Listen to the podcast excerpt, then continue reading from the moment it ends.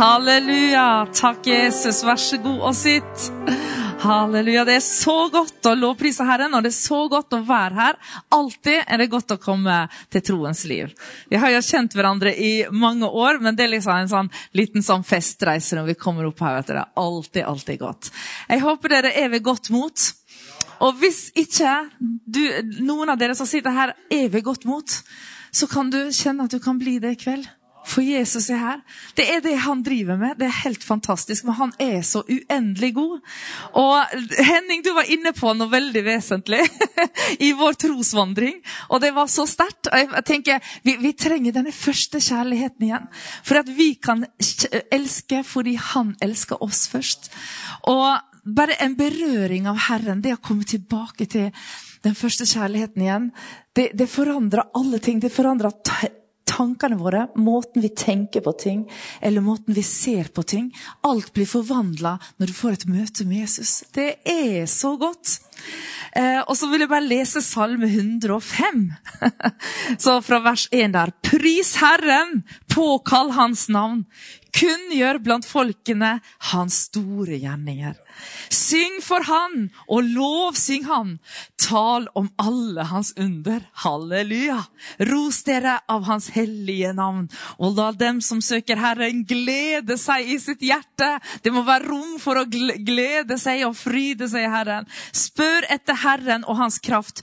Søk alltid Hans åsyn, og kom i hu Hans undergjerninger som Han har gjort, han, gjort Hans under og Hans munns dommer dere barn av Abraham, hans tjener Jakob, eh, Jakobs barn og hans utvalgte. Jeg bare tenker her, her er en veldig oppskrift til å leve i seier. Når du tenker på eh, vi som, som, er så unge som vi er, da, vi som er her, som kanskje ikke har opplevd andre verdenskrig inn på kroppen. Vi har hatt fredstid i så mange år. Det er ikke veldig mye uro sånn sett vi har levd i, under, i verdensbildet. Men det har liksom kommet litt nærme nå. Og nå er liksom alt blitt galt. Nå er strømmen blitt dyr og renta blitt høyere. så det, det er mange ting som kan uroe oss. Men vi har et fundament. Vi som er frelst. Jeg vet ikke, Kanskje du er her i dag og ikke kjenner det. Kanskje du ikke er frelst. Kanskje ikke du har det sånn i dag, men du kan få det sånn at du kan alltid ha en dyp, inderlig fred, både i hjerte og sinn, fordi Gud er den som er fredsfyrsten. Halleluja. Og uansett hvor urolig det er, så kan vi få lov å lengte etter det han lengter etter. Og jeg, jeg har Jørn, vi, vi, vi har syntes det har vært så godt uh, den siste tiden, for vi kjenner det er sånn Visjonen da, for våre liv har spissa seg sånn inn til at vi vil se tegn, under og mirakler. Vi vil se Guds rike gå fram i vårt liv, i denne nasjonen, rundt om i verden. Der hvor vi kommer, så vil vi se dette utøst. Det er det vi er kalt til alle sammen som er her. Halleluja. Og helt kort, så, så For mange år siden så tenkte jeg at det, det, var kun de femfoldige tjenestegavene som kunne bli brukt av Gud og kunne tjene Han. Og det, det jo, Vi vet jo det, at det er jo helt feil, men av og til kan du være litt låst. eller uviten. Eh, men, men, jeg skjønte jo dette etter hvert. Men når jeg fikk høre om at vi var kongelig presteskap, og at vi kunne ta del i å tjene Guds rike der hvor vi var, så ble det så stort for meg. Jeg bare tenkte jeg vil oppmuntre alle oss andre som kanskje ikke er i en av de fem eh, tjenestegavene. Og kanskje du har et kall av en av de fem tjenestegavene og ikke er der. Så vil jeg bare vekke det opp igjen, altså. For du har fått den gaven i livet ditt fordi du skal være med og tjene. Og hvis du er presteskap, så har du i hvert fall fått denne gaven. For du er kongelig presteskap, og da skal du gå i forbønn. Og det er det viktigste vi gjør. Det er lovprisning og forbønn og påkallelse for mennesker. Så det bare ønsker jeg å oppmuntre oss alle. Gå inn i presteskapet. Ta på det kongelige kappa. Ta på det Det autoritet, det, det beskriver. Og så tar du på deg prestekappa, så er du bare det som Herren ønsker du skal være. Gå inn i det kallet ditt og be, stille deg fram, forkynne Herrens velgjerninger for mennesker som vi møter. Halleluja. Så vi har så mye å gjøre. Alle dere som tenker ja, hva skal jeg finne på nå?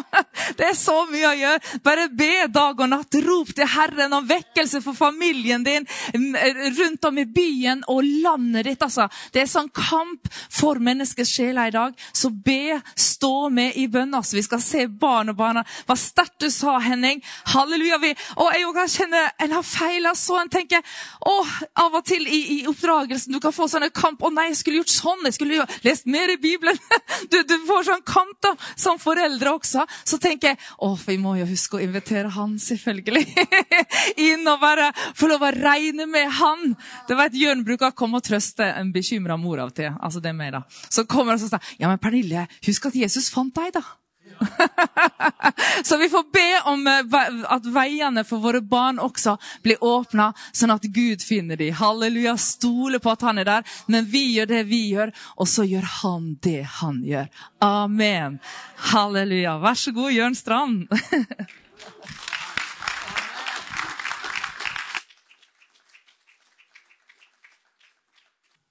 Det lyser grønt her. Ja. Det gjør det der òg. Nei da. Var det noen som tok den, eller? Nei da. Har vi det fint? Ja. Veldig, veldig, veldig bra. Igjen, altså, hver gang en kommer hit, så kjenner en bare liksom eh, vi, vi er Guds barn. Vi er én stor familie. Og uansett om det kan gå en stund mellom hver gang vi ser hverandre, så, så kjenner man bare at bang, der er vi på plass. Vi er Guds barn, vi har Guds ånd, og vi er brødre, vi er søstre, vi er søsken. Og, og den, den, familien er skjær. Den er over hele verden. Det er, overalt fins det eh, Guds barn som bare jobber for det samme, som kjenner på det samme. Det er én ånd, vet du. Du går inn i ånden, så, så er det bare en åre der over hele verden, faktisk. Og, og vi lever på oppløpssida, det er helt sikkert. Og der er det spennende. Nå er det mye som kan være sagt sikkert om endetiden, men jeg har, jeg har eh, landa på en sånn litt forenkla utgave av den. Eh, ikke så veldig avansert, for det er jo så mange endetidstegn. Eh, og, og, det er jo jordskjelv og jeg vet ikke hva. hungersnød og krig og rykter om krig og alt dette her, og det ser vi jo midt oppi det. Men så, så, er det jo et veldig viktig endetidstegn som vi aldri må glemme oppi alt det her. Og det er den derre profeten Joel, vet du. I de siste dager skal jeg utøse av min ånd over alt kjød. Og Det betyr at midt oppi all elendigheten så er det en vekkelse oppi der. Halleluja. Og den vekkelsen der, den setter vi kurs på, gjør vi ikke det? Halleluja. Så uansett hvor mørkt det er, og hva som skjer, så er det bare å forvente en åndsutgytelse parallelt med det. Og da er det viktig å ikke bli for opptatt med mørket, så vi begynner å forbanne holdt på å si mørket. Det er bedre å tenne et lys enn å forbanne mørket, var det en som sa.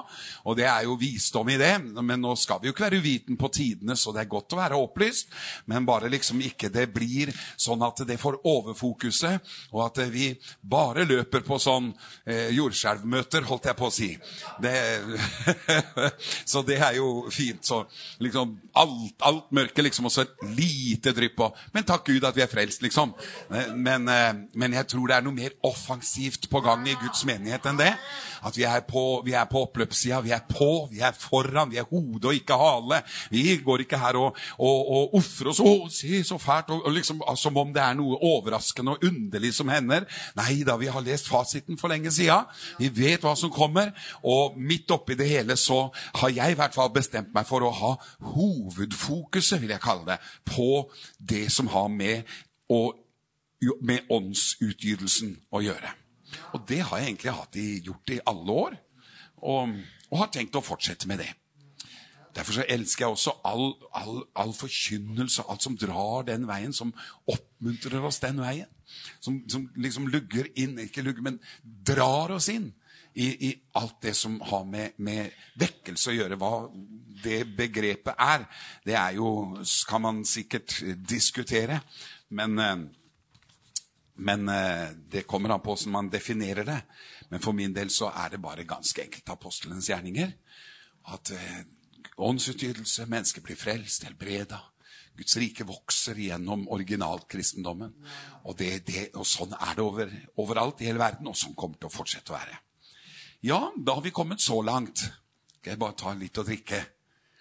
Kan ikke du rope Jesus høyt en gang? Jesus! Takk skal du ha.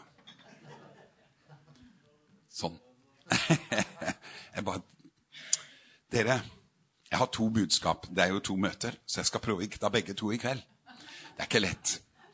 Skal prøve å disiplinere meg. Eh, men jeg tror at vi skal, eh, skal gå inn i romerbrevet. Og, og, og, det er kapittel åtte. Det er noen vers som har fulgt meg hele livet. Helt fra, he, jeg kan huske det helt fra børjan, når jeg ble frelst. Så, så kom disse ordene og, og festa seg ved meg, rett og slett. Um, og har siden vært der og blitt et fundament i livet mitt. Og, og utvida seg etter hvert som en har blitt eldre, eh, både i fysisk og åndelig, som man vokser fra barn osv. Men eh, og, og det er noe her jeg ønsker å tale om. Og, det, og grunnen til det, det, det er jo fordi vi har en trosvandring, alle sammen. Vi er her nede i denne verden, og, blir, og, jeg blir født på ny, da starter vår trosvandring. Enten vi er det bevisst eller ikke, så begynner vi å bevege oss inn i en helt ny dimensjon. For vi blir jo født på ny, og når vi blir født på ny, da er det åndelige realiteter. Det blir et skifte så til de grader i et menneskes liv. Når du kommer til Jesus og bøyer kne der, så er det ikke bare at du blir løst fra narkotika eller får et litt bedre liv på en måte at han skal prøve å, At du blir et sånt restaureringsobjekt. Men, men, men det står at derfor om noen er i Kristus, er han en ny skapning. Se, alt det gamle er forbi, og så blir vi nye skapninger. Alt er blitt nytt, står det. Og dette er så utrolig viktig å huske på. For når vi da blir født på ny, så, skal vi vandre videre, da er vi tatt ut av mørket, og så er vi plassert over i Hans elskede Sønns rike av lys. Og dette riket er et usynlig rike, men det er virkeligere enn det synlige riket. Burde i hvert fall vært det. For det usynlige kom før det synlige. Halleluja. Og det er et åndelig prinsipp, og sånn vil Gud det skal være også når vi begynner å vandre med Gud. Og Gud er usynlig for våre øyne, men han er mer virkelig enn det synlige. Amen. Halleluja. Så det er trosvandring. Og vi vandrer ikke i beskuelse, ikke sant? Men vi vandrer i i tro og ikke beskuelse. Og Det betyr at vi fester ikke eh, Vi lar oss ikke styre. Vi vandrer ikke ut ifra hva vi ser, men vi vandrer ut ifra faktisk det vi ikke ser. Og det er veldig sterkt, altså. Ja, men åssen kan du tro på noe du ikke ser, da? Ja, takk Gud for Den hellige ånd. Halleluja, som gjør det mulig. At du får noe på innsiden som tror på det usynlige foran det synlige. Og det er en gave du får, og den heter tro. Halleluja. Amen. Du får, du skjønner, du blir født på ny, så, så kommer da troen vet du, til deg. Og så får du tro. Og vet du hva tro Det er en fullstendig overbevisning om de tingene ikke du kan se. Amen. Halleluja. Og, og, og da, når vi da begynner å vandre i tro, så begynner vi å vandre i en fullstendig overbevisning om de ting vi ikke ser. Halleluja. Og dette er umulig hvis ikke du blir født på ny. Halleluja. Da vandrer vi i beskuelse, og vi ser på ting, og så tenker vi Åssen i all verden skal det gå? Huff, vi ser kanskje Ja, kanskje du ser på barna dine, og i det synlige så ser det ut som alt blir verre. Og så tenker jeg, åssen skal det gå? Ja, det kan du si. Hvis du ser i det synlige, så, så kan man bli veldig usikker på mange ting. Men halleluja at Bibelen sier til oss at vi har ikke det synlige for øyet, men det usynlige. Halleluja. Og, og, og da er det ikke sånn at vi bare skal prøve å syke oss opp på noe greier. Men vi har altså det det usynlige for øyet. Det er det Bibelen oppmuntrer oss til. At vi skal vandre i tro. Altså, jeg tar det grundig her i kveld, for det her, her er grundige saker. For dette glipper så ofte. Det er så fort gjort at eh, omstendighetene våre eh, roper så kraftig på oppmerksomheten vår at det, det, det, overrumpler oss daglig, vil jeg si. Så kommer eh, hva skal vi si, den, den, det, synlige verden og roper på sin oppmerksomhet. For vi ser den jo for våre øyne hele tiden. Vi ser jo realitetene i denne verden, selvfølgelig. Vi er jo i denne verden, men midt i denne verden, og vi ser de jordiske realitetene, så er ikke vi av denne verden. Halleluja. Halleluja. Derfor så skikker vi oss ikke lik med denne verden og denne verdens prinsipper. Halleluja. Det å ikke skikke seg lik med verden, det er ikke bare at ikke du skal synde, men det er at denne verden den, den, vi, vi, vi, vi tilpasser oss ikke denne verden. For vi er ikke av denne verden, selv om vi er i denne verden. Derfor Derfor lar vi ikke denne verden bestemme det synlige, det fysiske. Det er ikke det som setter retningen for mitt liv. Det er ikke det som avgjør Guds løfter. Det er nemlig halleluja, Bibelen som avgjør hva jeg skal tro og ikke tro. Halleluja. For det neste skrittet blir da Så sier noen ja, men, ja, skal jeg tro? Skal jeg bare prøve? Å, jeg tror, jeg tror, jeg tror. Ja, ok, prøv det. Men jeg har et bedre forslag. Les Bibelen. Halleluja så slipper du å stå sånn 'Jeg tror, jeg tror, jeg tror'. Det, for det, det, er slitsomt. Jeg kaller det greiene der for pesus pustus. Du, du, skal ikke prøve å tro liksom sånn at du skal pumpe opp troen og, og tro på troen, liksom. Nei, nei, nei. Vi skal bare tro på det Jesus har sagt. Enkelt og greit. Det er ikke noe å slite med det. Og noen sier 'Å, sier du at du ikke har tro?' Nei, jeg sier ikke at du har tro. Jeg bare lurer på om du bruker den. Det er ikke alltid vi bruker den. Du kan ha en sykkel uten å sykle. Du kan ha en tro uten å tro. Vi har én tro. Du må ha én tro for å tro. Jeg har jo sagt det her før, dette med sykkel og verb. ikke sant? Jeg har hatt med dere på Men det er en grunnsannhet blitt i mitt liv. Det er forskjell på én tro og å tro. Like mye som det er forskjell på én sykkel og sykle. Én sykkel er en ting. Det er noe dødt. Det er et substantiv. Det er en død ting. Én tro er en død tro. Hvis ikke det er et verb i den. For én tro uten gjerninger, det er en død tro. Da er det bare det samme som én sykkel. Den er død. Det er ikke noe liv i den. Men så kan du ha én tro også. Ikke sant? Du har én tro, eh, og den er død i seg selv. For hvis det, Bibelen sier hvis ikke troen har gjerninger, så er den død. Og Hva betyr det, da? Jo, det er at du har troen, men, men, det er ikke gjerninger i den. Og da er den som om den er død. For du skjønner, når du er død, så gjør du ingenting.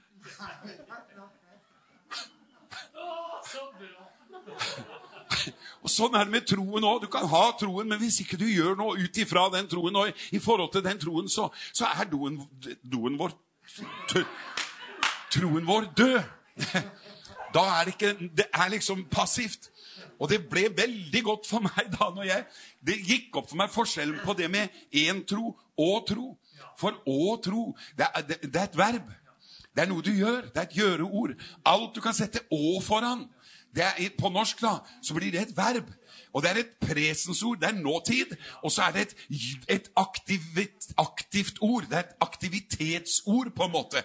Å svømme, å gå, å løpe, å gi altså det, det, representerer noe du gjør. Det er i nåtiden, og så er det noe du gjør. ok? Det er et verb. Nå frisker vi opp eh, gode, gamle norskkunnskaper her. Eh, det er ikke sånt vi går rundt og tenker på til daglig. Men vi husker det godt fra skolen, og hvis du er lærer, så kan du dette mye bedre enn meg. Men jeg kan huske akkurat det som hadde med, med, med verb å gjøre. Det kunne du sette å foran, og det betydde, når du gjør det, å gå, ikke sant? Og så blir det å sykle, å liksom svømme, osv. Så, så lærte jeg også dette med jeg vet ikke om jeg husker riktig, men jeg tror de kalte det substantiv. Når det var én, ei og ett, var det ikke det? Jeg tror det var sånn. Og så har du da så, så, så kan du Det er veldig lett å forstå dette hvis vi går til sykkelen. Én sykkel og sykle. Det er to forskjellige ting. Du tok den nå? Det er like forskjellig som én sykkel og sykle. Én tro og tro. Det er to ting. Men du må ha én sykkel for å sykle. Og Du må ha én tro for å tro. Men å tro, det er noe du gjør. Én tro er noe du har. Ok? Og jeg er overbevist om at alle her inne som tror på Jesus, har en tro. Men spørsmålet er tror du på det du tror på? Halleluja. Det syns på oss når troen går fra substantiv til verb. Det er mulig å få dette til, og det er nettopp det Guds ord gjør. Halleluja. Guds ord, så kommer da troen av forkynnelsen du hører, og forkynnelsen du hører, må komme fra Guds ord. Amen. Halleluja. Så da er det Guds ord som produserer troen. Det betyr at Guds ord kommer til å sørge for at du sykler. Guds ord kommer til å sørge for at du tror, for troen kommer av Guds ord. Halleluja. Amen. Og når du leser Guds ord, da er det at du på en måte Du, du, du, du får, en, får en, du får en sykkel av å lese Guds ord. Amen. Du belønner deg med en sykkel. Akkurat på samme måte Gud gir deg tro når du leser. Og så, fort, så, så slutter vi ikke å bare stud, vi, vi, Du vet, vi, vi, ser ikke bare Guds ord, vi vil jo ikke bedra oss selv heller, ikke sant? For hvis vi blir bare ordets hørere, altså bare holder på med én tro Å, det var en interessant utlegning. Ja, sånn har jeg ikke tenkt på det før. Skal jeg si det var, vi fikk mye å tenke på i kveld, broder. Men, men jeg håper å si Sykkelen er ikke til å studere og vurdere. Liksom Ja, holder dette mål, da? 18 Altså, Du kan godt lese instruksjonsboken til sykkelen. Det er veldig bra. Men hvis du ikke sykler, så er det ikke noe særlig vits i, nesten. For målet er jo ikke å kunne hele instruksjonsboka på pugg. Men det er bra. Absolutt. Flott. Men, men, men det er ikke destinasjonen din. Det er liksom ikke det som er målet, å, å, å pugge, pløye gjennom Bibelen på et år, liksom. Bibelleseplan, og så har motivet liksom drrrp. Ja, ok, du får en sykkel, du får liksom, du ser konturene av noe, du, du, du, får noe inn i livet ditt, så fortsett å lese!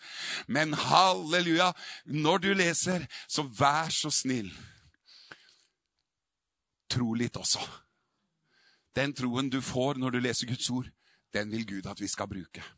Og da er det sykkelturen vår begynner. Halleluja. Vi sykler ikke i det synlige, men i det usynlige. Halleluja. Amen.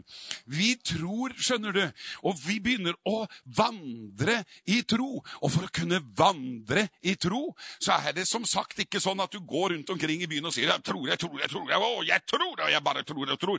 Det var jo en stund det var ikke så mange som holdt på sånn, det var kanskje en og annen. Men det er misforstått tro, liksom. Det er veldig misforstått. For det at vi skal ikke prøve å tro. Nei, vi skal bare lese Bibelen, så kommer troen. Amen. Og når troen kommer, så er det liksom på en måte at vi på en måte blir overbevist om det som står i Guds ord, er sant. Halleluja. Og når det som står i Guds ord, blir en sannhet i oss, og hvordan blir det det? Jo, så kommer da troen av forkynnelsen du hører. Men så står det om noen som aldri kom på sykkeltur i Bibelen. Har du hørt om dem? Så det står at ordet de hørte, ble dem til ingen nytte. Nei, men Guds ord vender jo aldri tomt tilbake. Nei, Du kan si han, han tar aldri tilbake igjen sykkelen. Men sykkelen blir ikke til noe særlig nytte hvis ikke du sykler. Altså, Dette blir jo veldig enkelt, men vi er nødt til å ha det sånn. Halleluja. For når denne sannheten er liksom Det var en broder som sa når denne polletten ramler ned, da begynner sykkelturen. altså. Halleluja. Da, da blir du spesialist. Da kan du være med i Tour et eller annet. Du kan ikke alt dette, men du kan sikkert bli med til Nord-Norge. og hvor, hvor, er det han Åleskjær drev og sykla så fælt? Hva var det for noe? Birkebeineren var det, ja. Det var det. Da kan du melde deg på den, vet du. Halleluja. Den åndelige. Du vet, eh, Jeg sykler jo ikke så mye, da, kan du si. Jeg ser på sykkelen. Jeg, jeg har, jeg, enda jeg har elektrisk sykkel. Jeg må bekjenne min synd her. Huff a meg. Vi kan jo ha de flotteste sykler, vet du. Og ha de bare i garasjen. Men da hjelper det jo ikke, ikke sant? Det er jo Det er ikke så mye. Pernille sykler. Hun sykler så mye at jeg må si 'ro deg ned'. Full fart ned bakken. Hun tror hun er 18 år enda. Halleluja. Amen. Nå fikk du formaningen offentlig. Unnskyld. Ok, du henger på litt. Det er en god lørdagskveld her. Tro er full overbevisning om det du ikke ser. Og denne troen er helt avhengig for, av, for oss alle. Hvis vi skal vandre med Gud, så er det en trosvandring. Og den starter når du blir født på ny. Så kommer du inn, du får tilgang til Guds løfter. Du får Bibelen, som definerer den usynlige verden for oss. Bibelen definerer Gud for oss. Vi kan ikke se Gud her, her nå som fysisk, men Bibelen definerer han. Vi ser ikke Jesus her nå, men vi ser Jesus her. I Bibelen ser vi Jesus. For Jesus sa 'den som har sett meg, har sett Faderen'. Amen. Så da må vi studere Jesus. Ja, men hvordan kan jeg se Jesus, da? Eh, At vi skal prøve å, å be han komme ned og åpenbare seg for oss? Eh, ja, han gjør det av og til, og mange som har sett Jesus. Men for at du virkelig skal se Jesus, så må du studere Matteus, Markus, Lukas og Johannes. Der ser du Jesus. Halleluja. Der ser du den. Der ser du åssen han går. Der ser du åssen han ber. Der ser du åssen han oppfører seg. Vil du se Jesus, så ser du han svart på hvitt i Bibelen din. Halleluja. Amen. Og han er ordet, skjønner du. Amen. Så han er i ordet, han er i Bibelen din. Og mange ganger så sier 'Å, jeg skulle ønske jeg så Jesus, jeg skulle ønske jeg hadde et syn og en åpenbaring'. Ja, men du har jo det i fanget ditt, holdt jeg på å si. Du har Bibelen din. Kan ikke få noe sterkere syn og åpenbaring enn Markus, Matteus, Lukas og Johannes evangelium. Halleluja. Det er jo det. Den som har sett meg, sa Jesus, har sett Faderen. Hvordan, Philip, kan du si 'Vis oss Faderen, og det er nok for oss'? Tror du ikke at jeg er i Faderen, og Faderen er i meg? Jesus sa 'I bokrullen er det skrevet om meg'. Jeg er kommet for å gjøre Faderens vilje. Og når du studerer Jesus, så studerer du Faderens vilje. Og da ser du en som går omkring og helbreder noen syke innimellom. Nei, alle de syke! Gud, hjelp oss å sykle! Halleluja! Woo! Amen! Er vi rede til å sykle her i kveld? Nå kjenner jeg liksom det er African way her. altså. Åh, nå kjenner jeg begynner å sykle her. Å, kjenner denne, Dette her, det trigger meg, skjønner du. Det her fyrer meg opp. Troen kommer av de greiene som vi holder på med nå, dere. Så vi er på troens liv i kveld. Er du glad for at du er på troens liv i kveld? Amen. Her, her, ja, mhm, amen. Holdt jeg på å synge en sang igjen? Kan du rope på Jesus en gang til? Thank you. Så slipper du å høre at jeg slurper, skjønner du. Halleluja. Halleluja. Å, gode Jesus. Å, vi priser deg, Jesus. Denne troen, dere, den kommer altså Springer ut av Guds ord. Derfor så blir det også kalt troens ord, det vi forkynner. Og, og nå kommer en liten parallell. Jeg vet jo at vi er et tempel for Den hellige ånd. Og så er vi Herrens legeme. Vet du hva jeg tror Gud mente med det?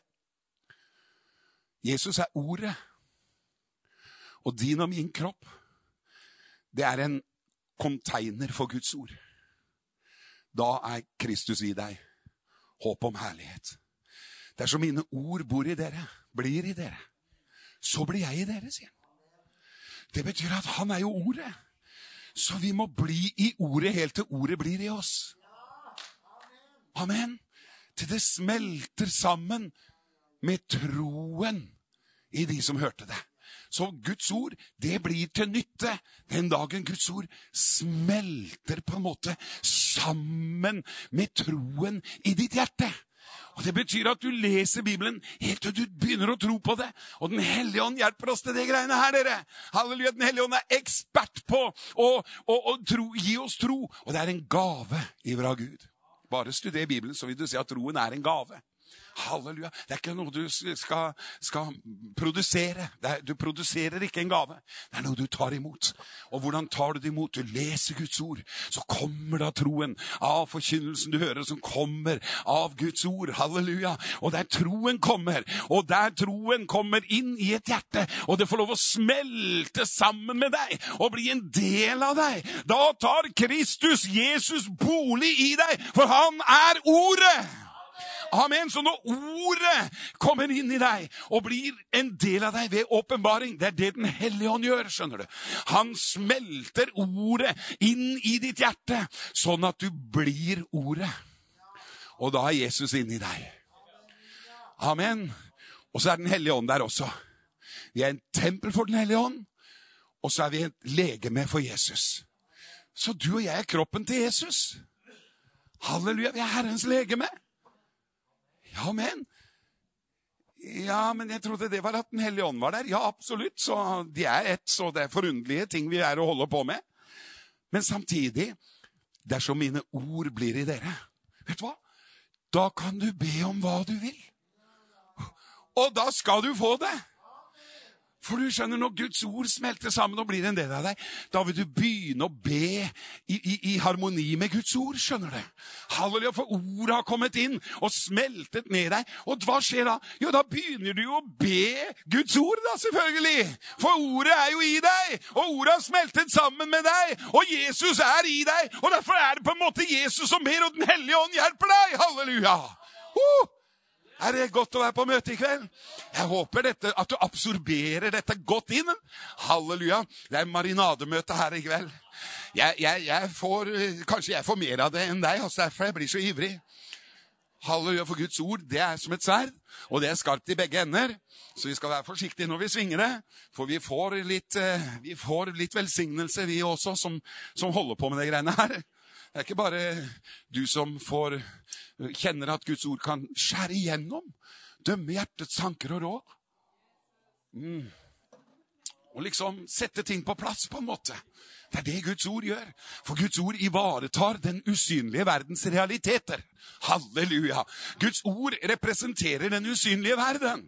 Gud er usynlig. Guds rike kommer ikke på en måte så vi kan se det med øynene våre. Si ikke 'se, der er det', eller 'her er det'. For se, Guds rike er inni dere og iblant dere. Kan du oversette like greier? Og Guds rike kommer ikke så du kan se det med øynene dine. Se, her er det, eller der er det. Ikke sant? Derfor trenger du ikke å gå ned på rikets sal. Se, der er det, liksom. Nei, Guds rike er usynlig. Du kan ikke se Guds rike. Guds rike, det er her nå. Guds rike er her nå. Akkurat nå er Guds rike her, men det er sannelig hva skal vi si, Norge også. Det fysiske riket. Derfor så sier Bibelen vi har ikke det synlige for øyet, men det usynlige. Og Derfor er det så utrolig viktig å være glad i Bibelen sin. For der, der legger du inn materialet. Det er selve, selve byggematerialet. Det er substansen av alt, egentlig. Der, og når Guds ord får lov å komme inn i deg og bli til én tro, altså du har en sykkel, så er tiden kommet for å sykle også. Og da kommer det et punkt hvor du, du vet hva Guds ord sier, og så må vi nødt til å Eller så bedrar vi oss selv, og da blir ordet du hørte, til ingen nytte. Da, da ble det ikke til noe nytte, i hvert fall ikke for andre, og heller ikke for deg. Og da blir vi bare glemsomme hørere som kommer på møte og sier amen, og så går vi hjem og ser på TV.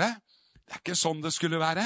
Nei, vi skal på møte og si amen, og så går vi ut døra og praksiserer halleluja. Det er fint. Amen. Så hvis Bibelen sier at vi skal be for syke, så stå på. Amen. Ja, men jeg har bedt for syke, og så har det ikke skjedd noe. Ja, det har jeg òg. Men så har jeg sannelig bedt for syke, og det har skjedd noe. Og jeg lar meg ikke styre av at det ikke skjer noe. Jeg lar meg styre av Bibelen. For Bibelen sier at på syke skal de legge sine hender, og de skal bli friske. Og om så jeg legger hendene på de syke, og de dør, så kommer jeg til å fortsette å be for syke. Fordi Bibelen, Guds ord, sier det. At disse tegn og under skal følge den som tror. Det er noe som skal følge deg og meg. Og da er det viktig at troen er der, sånn at vi kan se at vi tror. Da Da er det jo mulig å se om du tror. Det er mulig å se om du sykler, skjønner du. Det er ikke mulig å se at du har en sykkel før du sykler. Og sånn er det å, Det var en som sa til meg en gang 'Hva sier du at jeg ikke har tro?' liksom. Kan ikke ha sånn forkynnelse og sier til folk at de ikke har tro. Og Det var da det gikk opp for meg. Jo visst har du tro. Men tror du? Og Når du bare sier det sånn, så høres det ut som du trenger psykiatrisk hjelp. Men når du har et møte som i kveld, så skjønner vi hva vi snakker om. Halleluja. I første svingen så er det ikke så lett å ja, jeg, jeg, har en tro, men tror du, liksom? Det høres jo så selvmotsigende ut. Det er sånn typisk Jesus-språk, spør du meg. Da er det noe un, un, der som vi trenger å få tak i. mm. Å ja, dere, det er ikke så vanskelig å sykle. Og hvis det er Alle kan begynne med en trehjulssykkel, i hvert fall. Ok? Få litt støttehjul. Kan få litt støtte av, av noen andre. Gå ut to og tre støtte hverandre litt. ikke sant? Så prøver vi, og så tror vi, og så begynner vi. Og så er du tro i det små, så skal du bli satt over større ting. Og jo mer du tror, jo, jo, jo større trosjafs tar vi. Amen. Så til slutt så sykler du som bare det, vet du. Halleluja, mange gir, og du kan komme opp i skikkelig fart. vet Du Du kan bli helt sånn Reinhard Bunke til slutt. Amen. Men det hadde vært rart om Reinhard Bunke hadde sykla rundt på en trehjulssykkel når han var 80 år gammel. liksom. Det hadde ikke tatt seg ut. Nei, så det er veldig viktig. Men det er bedre å sykle på en trehjulssykkel og være 80 år enn å bare ha sykkelen i garasjen. Så vi, vi må være forsiktige. ja, vi vil ha med alle på sykkeltur. Og jeg tror Gud har kalt alle til dette spennende livet med Gud. Ja, dette, dette, dette livet hvor vi beveger oss i det usynlige framfor det synlige. Det er troens vandring å være styrt av det usynlige. Og da tenker vi på det usynlige. Det er ivaretatt av Guds løfter. For eksempel, da, bare tatt veldig enkelt, dette med legedom, helbredelse. Det er ikke alltid det er synlig i kroppen vår, men det er veldig synlig i Bibelen. Er du enig i det? Halleluja. Du skal ikke studere Bibelen veldig mye før du ser, i lys av Bibelen, at helbredelse det er noe vi kan forvente fra Jesus. Det, det, det, er det er veldig tydelig. Det går ikke an å studere forsoningen og ikke få tro på helbredelse. Det er en, det er en ingrediens av forsoningen. Helbredelse, det er en konsekvens, det er, en, det er, det er et produkt, det er noe som Eller helbredelse er en gave i forsoningen fra Guds godhet. Og den, det er ikke alltid vi ser den manifestert i kroppen vår. Men pga. det så bytter vi ikke menighet og melder oss inn i menigheten. Det er ikke alt, det er ikke bare bare. Ikke sant? Vi, vi, fortsetter å gå i menigheten. Takk og lov og prise Gud og lammet. Halleluja, glory, glory, Abba, Fader, Maranata. Herren kommer, Jesus lever, Gud er god, og det er seier. Det er menigheten vi går i, vet du. Ikke dette akk og ve og før, ja, det er så mye rart. Og skal si Herren har god råd, ja, det er underfundig, hva mente han med dette? Nei, hvis vi lurer på hva han mente med dette, så er det fordi vi studerer for mye den fysiske verden. Men vi har ikke det synlige for øyet. Vi har denne boka her for våre øyne, og vi tror på denne boka! Halleluja! Og jeg tror mer på denne boka enn jeg tror på kristne som skal være syke! Jeg vet at det knaser godt nå, men der har vi denne kjemptroens gode strid. Det er liksom en strid av og til. For denne fysiske, det, det, er der. Og det er realiteter, og de påvirker oss, og de merkes. Men halleluja for Guds ord! Dere skal kjenne sannheten, og sannheten skal sette dere fri. Halleluja! Å, så jeg er glad for at boka heter 'Ordet er sannheten'. Og ordet setter oss fri fra alle Hva skal vi si? Guds ord har makt i seg, tror jeg, til å sette oss fri fra alt som ikke harmonerer med Guds vilje i lys av Bibelen. Bibelen er den absolutte, totale grunnvoll og sannhet. Jo, himmel og jord skal få gå, men Guds ord skal aldri få gå. Og den som tror på ham, blir ikke til skamme. For vi tror på sannheten. Halleluja. Og hvis ikke, hvis ikke Guds ord har blitt, la oss kalle det, med, med harmoni med våre liv, så la oss ikke forkaste sannheten av den grunn. Men la oss fortsette å lese. Fortsett å lese. Studer Guds ord. Og bare alle tankene du får, ta de med deg inn i bibelstudiene dine. Og er det tankebygninger som reiser seg opp imot kunnskapen om Guds ord, så bare ta de til fange.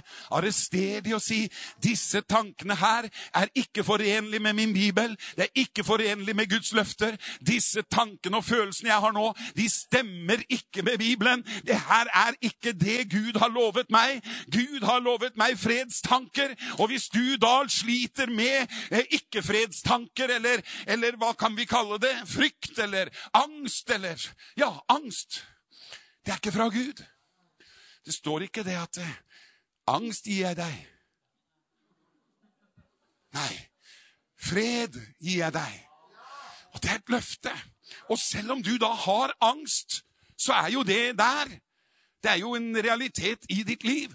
Men når du leser Bibelen, så står det 'Jeg ga dere ikke tanker til ulykke'. Det er mange som tenker det at ja, kanskje Gud har forkasta meg. Jeg synda jo i 1914, så det er sikkert ut, ut av Guds plan for lengst. jeg. Lurer på hva jeg har gjort feil. Jeg er ikke Guds plan.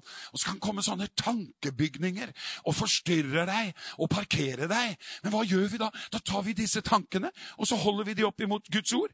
Og så sier vi nei, men disse tankene de, kan, de er ikke forenlige med Guds løfter. Så hvorfor skal jeg ha de tankene her, da? Når ikke Gud har sånne tanker, så skal jo ikke jeg ha de heller. Og så tar du tanken til fange og sier, 'Hvordan i all verden sneik du deg inn her?' I Jesu navn, jeg river deg ned! Jeg velger å tro på Bibelen framfor hva som er eh, realiteter. Halleluja.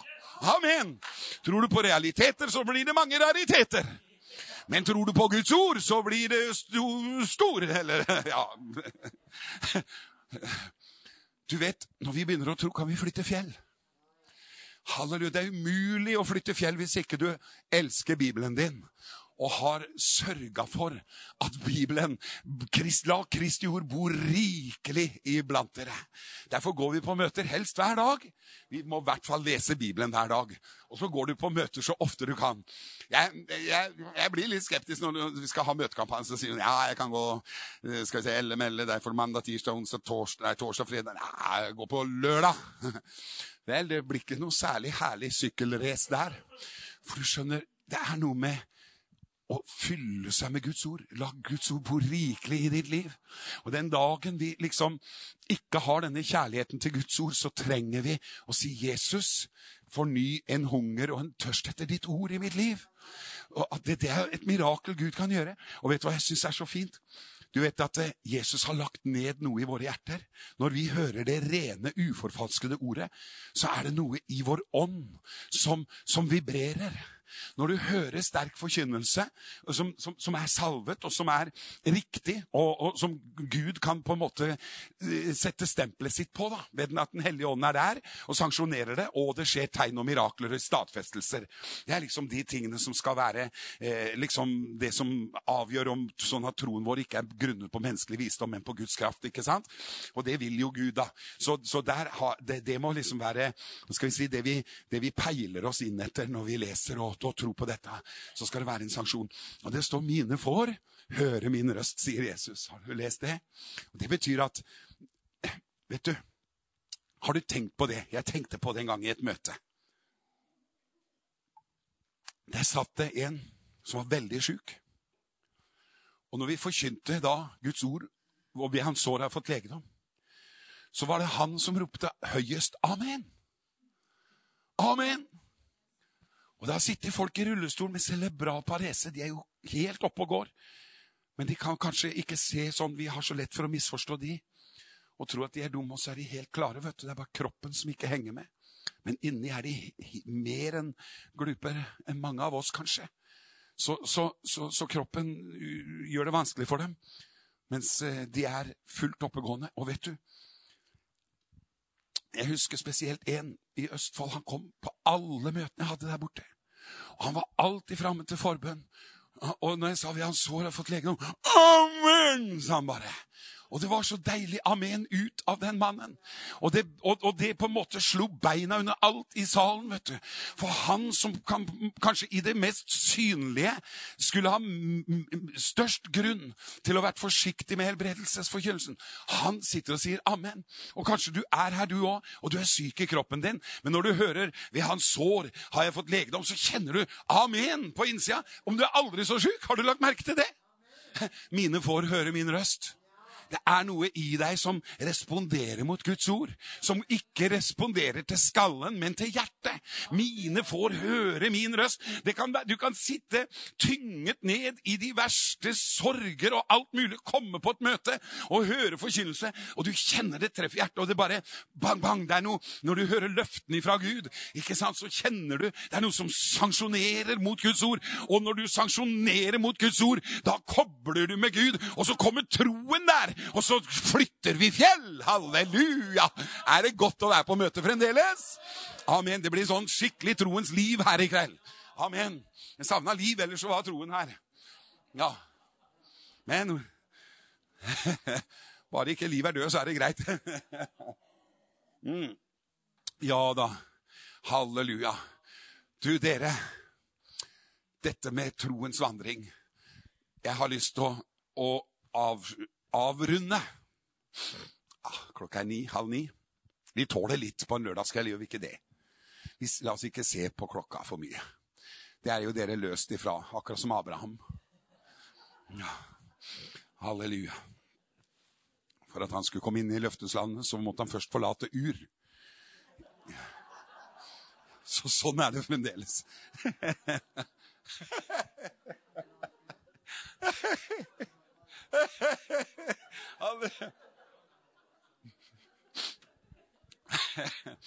Han hadde jo aldri kommet inn i løfteslandet hvis han forholdt seg til ur. Vel, vel, vi får gå litt videre. Men dere, eh, dette med troen nå eh, Guds ord, Når jeg sier Guds ord, så, så, kan det virke kanskje litt abstrakt. Men jeg har, som jeg vil lande dette inn i, et veldig konkret Og det var der jeg begynte hele møtet med det bibelverset i Romerbrevet 8, som ble så sterkt, og som har skapt et sånt tros, grunnleggende tros skal jeg si, sykkel i mitt liv. Og som jeg stadig er ute og sykler på. Og det er det som står i Romerbrevet kapittel 8 og vers 2. Mange, vi, vi, kjenner jo det foran. Det har du sikkert hørt. Så er det da ingen fordømmelse ikke sant, i vers 1 for dem som er i Kristus Jesus, og de som ikke vandrer etter kjøttet, men etter ånden. Og så står det et nydelig vers eh, der. For livets ånds lov har i Kristus Jesus frigjort meg fra synden og dødens lov. Det har blitt en grunnsannhet i mitt liv. Det er, en, det er noe Jeg kan ikke tjene Herren som evangelist uten at dette er en et fundament som jeg kan be ut ifra, som jeg kan tale ut ifra, og som jeg kan hva skal jeg si tro ut ifra. Dette er trosfundamentet mitt. Livets åndslov har i Kristus Jesus frigjort meg fra synden og dødens lov. Og det er, Nå skal jeg si noe opp imot det. Det første, livets åndslov. Det er ånden som gir liv, står det i en annen oversettelse. Og det er det Ånden gjør. Når vi tar imot Jesus, så får vi evig liv. Den som har Sønnen, har livet. Da har vi sykkelen der. Da er det på plass. Materialet, du kan si utgangspunktet, er på plass når vi er i Kristus. Og det er så viktig for alle å forstå. For det er noen som kanskje tviler litt på det. Og da blir det vanskelig å sykle hvis ikke du helt vet om du har en sykkel i garasjen. Det blir det vanskelig å sykle, altså. Så du må bli bevisst sykkelen, du må bli bevisst troen, og så går vi ut på det. Men hør nå. Livets ånds lov har i Kristus Jesus. Og når du og jeg kommer til Jesus, så blir vi, eh, så, så, da, da, da blir vi født på ny. Og så får du denne hellige ånd som hjelper oss til alle ting. Parakletos. Det er så mye som, som, skjer akkurat der, så jeg kan ikke ta oss inn i det. Men jeg vil ta oss inn i motsatsen av livets ånds lov. Det er synden og dødens lov. Ser du, her er det to lover. Her er det to lover. Du har en livets lov og dødens lov. Ser du det? Og da kan man jo og jeg har tatt det studiet, og jeg vil anbefale deg Jeg elsker å gi sånne hjemmelekser. For det er mange ganger når jeg møter folk som Ja, hva skal jeg lese nå, liksom, i Bibelen? Så jeg kan lese salmene der og litt sånn. Men det er veldig fint å, å ha sånn temastudier i Bibelen. Ja, dette vet dere. Men tematikk Du vet, dødens lov, hva er det? Wow! Da har du hele romerbrevet som forklarer oss dette. Dødens lov. Altså, det er noen lover og regler som følger synden og døden. Det er visse lover og regler som gjelder der synden og døden er i virksomhet. Ok? Nå skal jeg det, Jeg vet det høres ikke vanskelig ut. Nei. Altså, Når Bibelen da sier om noen er i Kristus, er han en ny skapning, altså da har livets åndens lov kommet og født oss på ny, så står det at alt det gamle er forbi, og det nye er blitt til. Og det er forenlig med det her. Hva er det gamle, da? Jo, det er det gamle mennesket som er under synden og dødens lover og regler. Halleluja! Og når du ser det her Å, Jesus, nå kjenner jeg det igjen. Når dette blir noe, et fundament i livet ditt som du begynner å tro på Oi, oi, oi! Vet du hva du kan gjøre da? Vet du hva, Når Bibelen sier 'jeg tror du skal være med det', og så se det, kan vi ikke også ta romerbrevet 6 og vers 11? Se, for, for, du kan finne opp 6 og 11, og så memorerer vi livets ånds lov har altså i Kristus. Og så se. Slik skal også dere regne dere som døde for synden, men levende for Gud. Og det har vi alltid vært litt sånn Ja, men betyr det at når du er født på ny, så kan du ikke synde, da? Da studerer du det for, for endimensjonalt. Selvfølgelig er vi født på ny, og den som synder, og Guds ånd blir i ham, og han kan ikke synde. og Om noen synder, så er han trofast og rettferdig, og Jesus Kristus, hans sønns blod. Altså Johannes første brev. Alt det, det, det, som hører med til den nye skapningen og konsekvensen av å bli født på ny, kan du lese om i Johannes første Johannes brev. Der kan du lese om det. Men, men det er noe breiere enn det. Slik skal også dere regne. Det er et regnestykke. Halleluja. Det er ikke noe du skal føle. Det er ikke noe du skal eh, prøve å, å, å, å sånn. Men det er noe du skal tro. Halleluja! Og da må du begynne å lese Bibelen. Og så skal du ut ifra det du leser i Bibelen, så kan du begynne å gjøre opp et regnestykke. Halleluja! Og hva skal vi da? Regne dere som døde for synden. Ja, men eh, vi er jo ikke døde for synden, og mange ganger så tenker vi på syndens gjerninger vi gjør hele tiden. Men vi kan regne oss som ferdig med synden og dødens lover og regler. Amen. Det er ikke lenger under dette.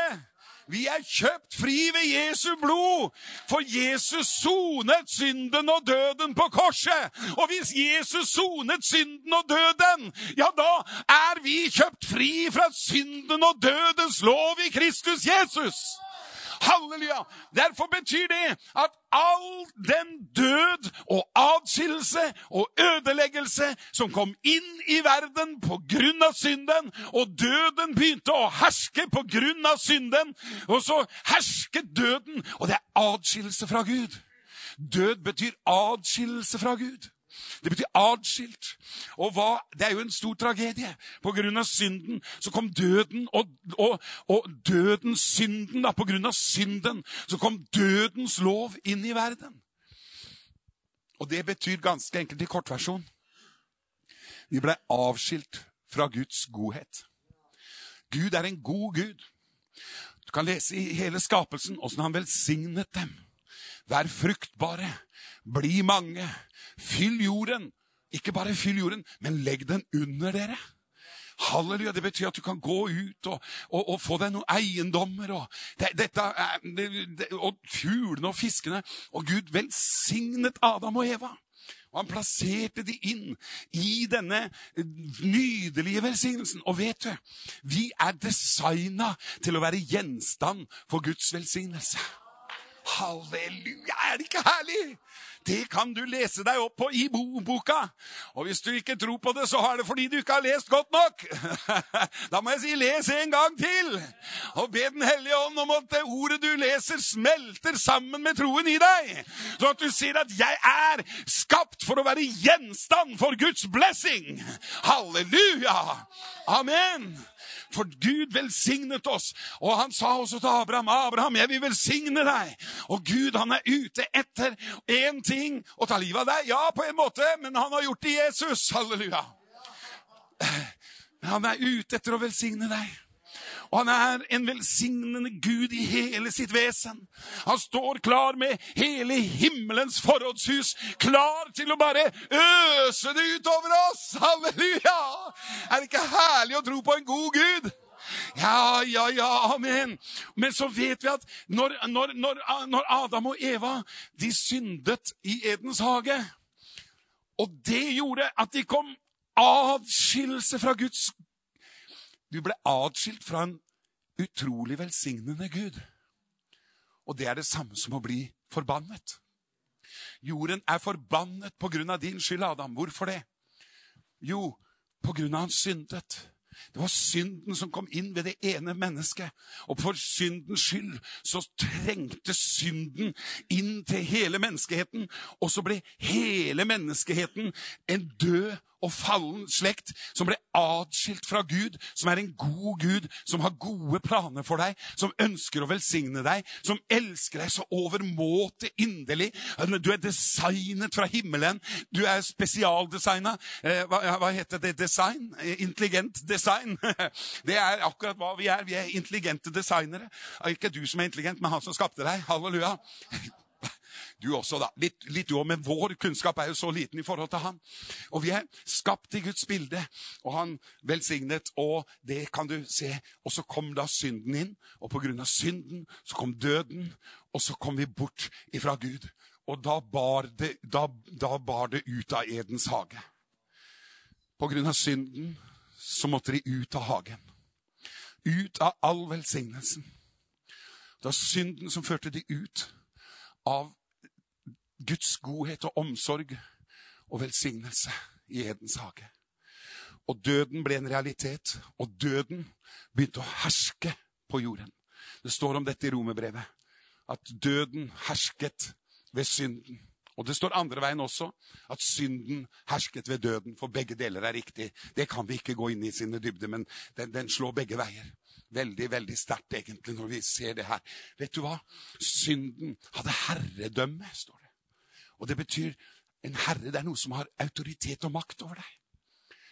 Og, og, og når da synden begynte å herske ved døden Ja, her står det. Halleluja, ser du det? Åssen synden den begynte å herske på jorden ved døden, ved adskillelsen. Fordi vi ble adskilt fra Gud. Det var synden som gjorde det. Og av synden så ble døden noe som begynte å herske på jorden. Adskillelsen begynte å herske på jorden. Det er det som står her. Og liksom synden hersket ved døden. På grunn av også at vi er adskilt fra Gud, så ble vi overlatt til vårt eget tomme sinn og syndige kjødet, som da begynte der. Og det holdt liv i atskillelsen. Og av synden da, så var døden der hele tiden. Og derfor så var det sånn at synden, den hersket ved døden, og faktisk døden hersket ved synden.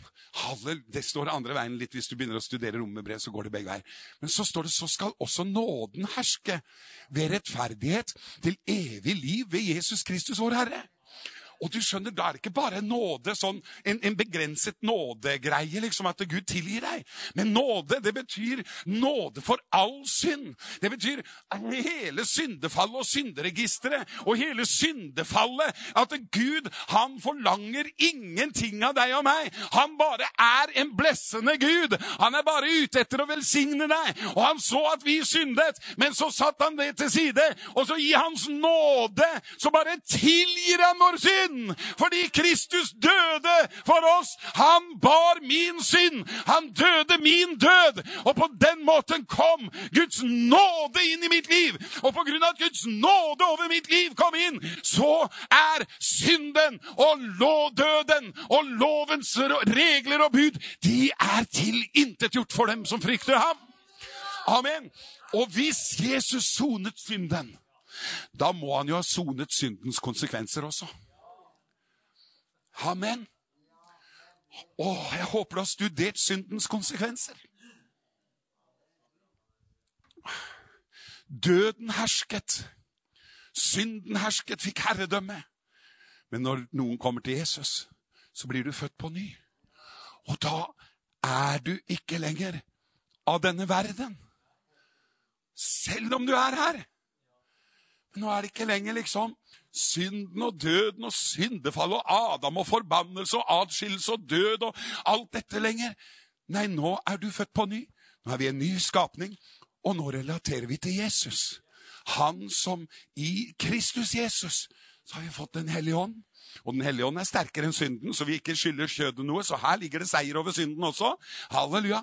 Men det er ikke til å komme ifra alle konsekvenser av død. Hvis Jesus døde min død på korset, og jeg ble forenet med ham ved dåpen til døden Den døden han døde, er tilregnet oss. Så det var min død og adskillelse han tok. Og hva er det som skjer da når et menneske kommer til Jesus? Den hellige ånd kan ta bolig i oss. For det har tatt bort adskillelsen. Derfor er det ingen som kan komme til Faderen uten gjennom Sønnen.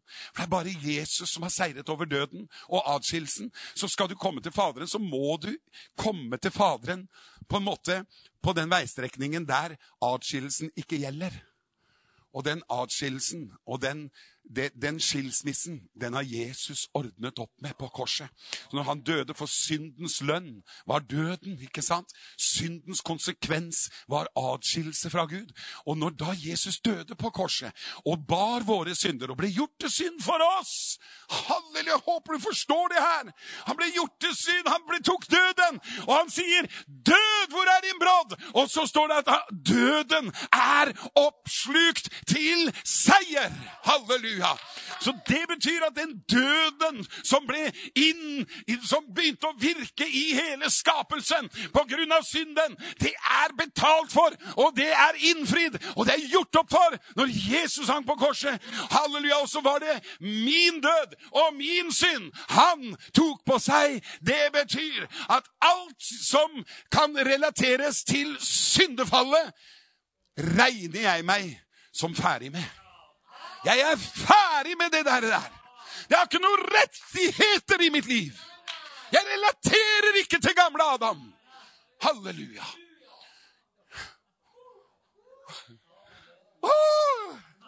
Hva relaterer jeg mitt liv til? Jesus, den siste Adam. Han er jo den siste Adam. Det betyr det kommer ikke flere. Så du trenger ikke å vente på noen annen løsning kommer ikke noen annen løsning enn Jesus. Du blir født på ny, og da er det Jesus som er din Adam. Halleluja! Oh, han er uten synd. Derfor har synden og dødens lover og regler ingenting i han. Og hvis du er i han, så har synden og dødens lover og regler ingenting å gjøre i ditt liv.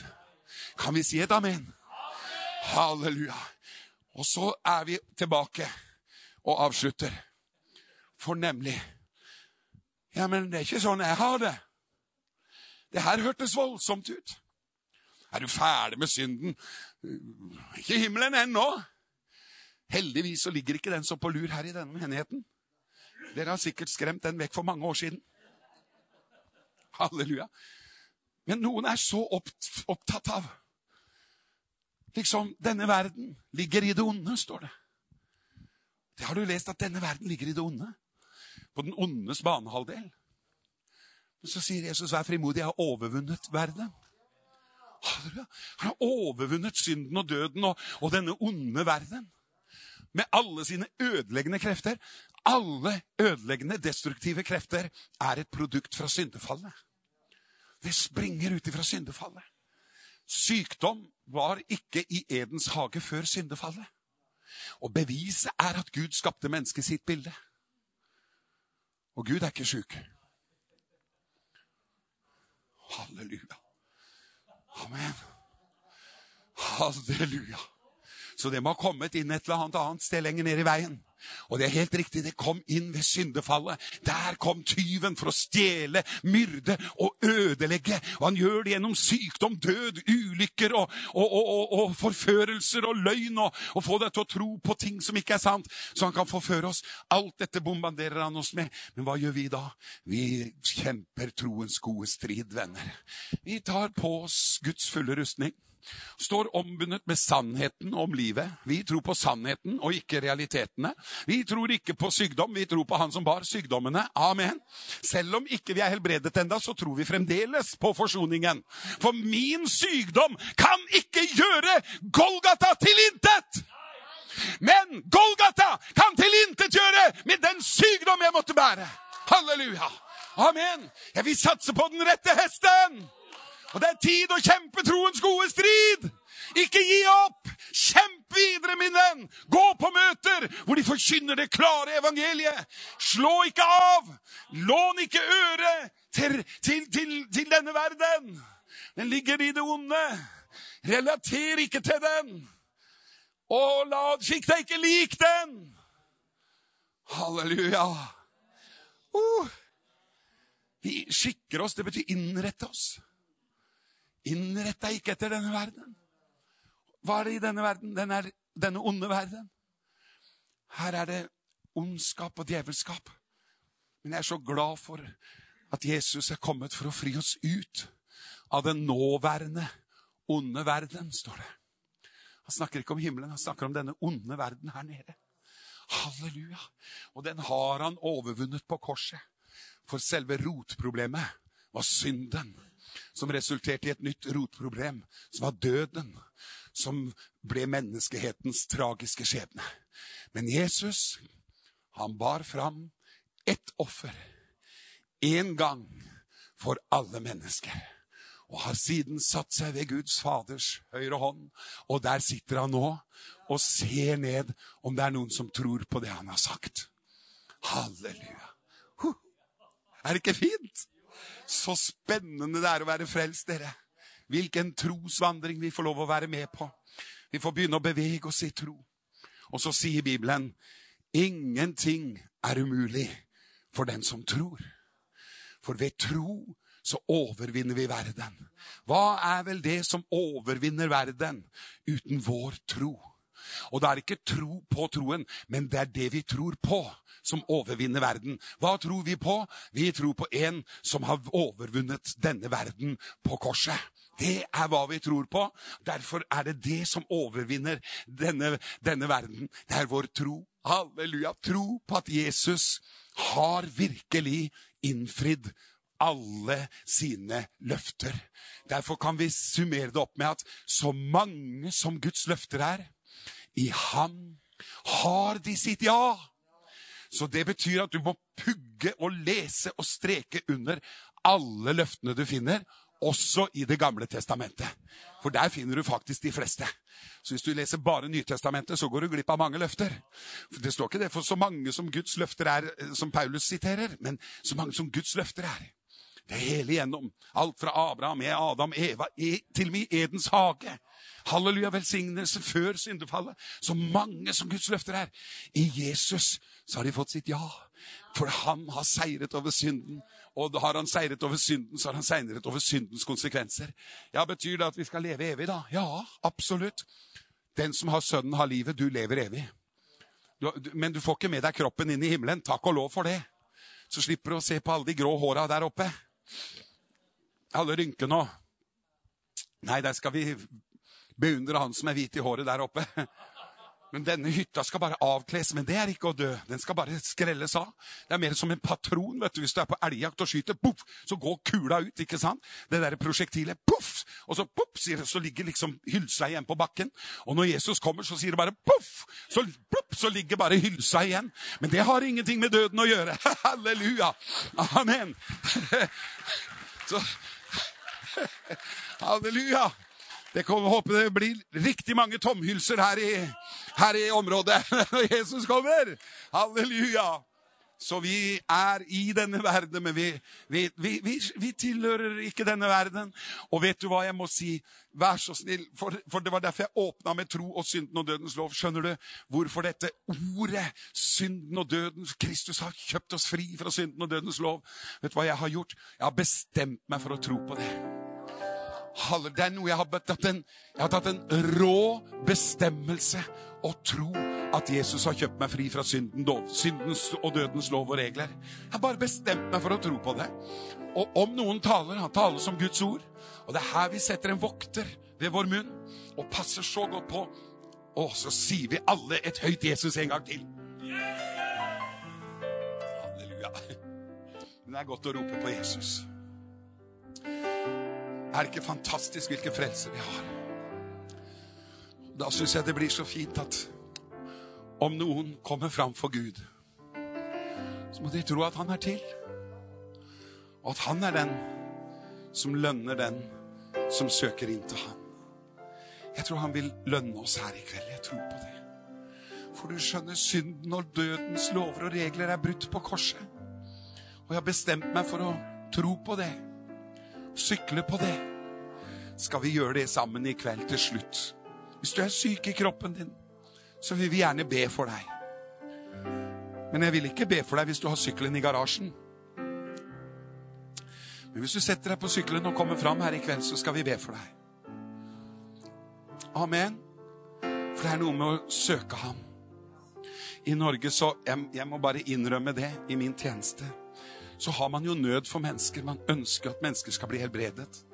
Og det har jo vært et veldig vanskelig tema, dette mange ganger det kan så fort misforstås, og folk kan ta det galt opp. og Jeg tror egentlig det er bare en veldig sterk demonisk aktivitet rundt det. Fordi Satan hater sånt som dette i kveld. For når dette ordet smelter sammen med troen i oss, da har du overvunnet djevelen. Det er da du står djevelen imot fast i troen på hva Jesus har gjort for oss. Og det, du, du kan nesten ikke finne noe sterkere bibelvers enn at Kristus har kjøpt deg fri fra synden og dødens lover og konsekvenser. Du, du kan ikke finne nesten noe bedre bibelvers å legge troen din inn på. Jo, der har du jo hele pakka i ett vers. Skal vi bestemme oss for å tro på det?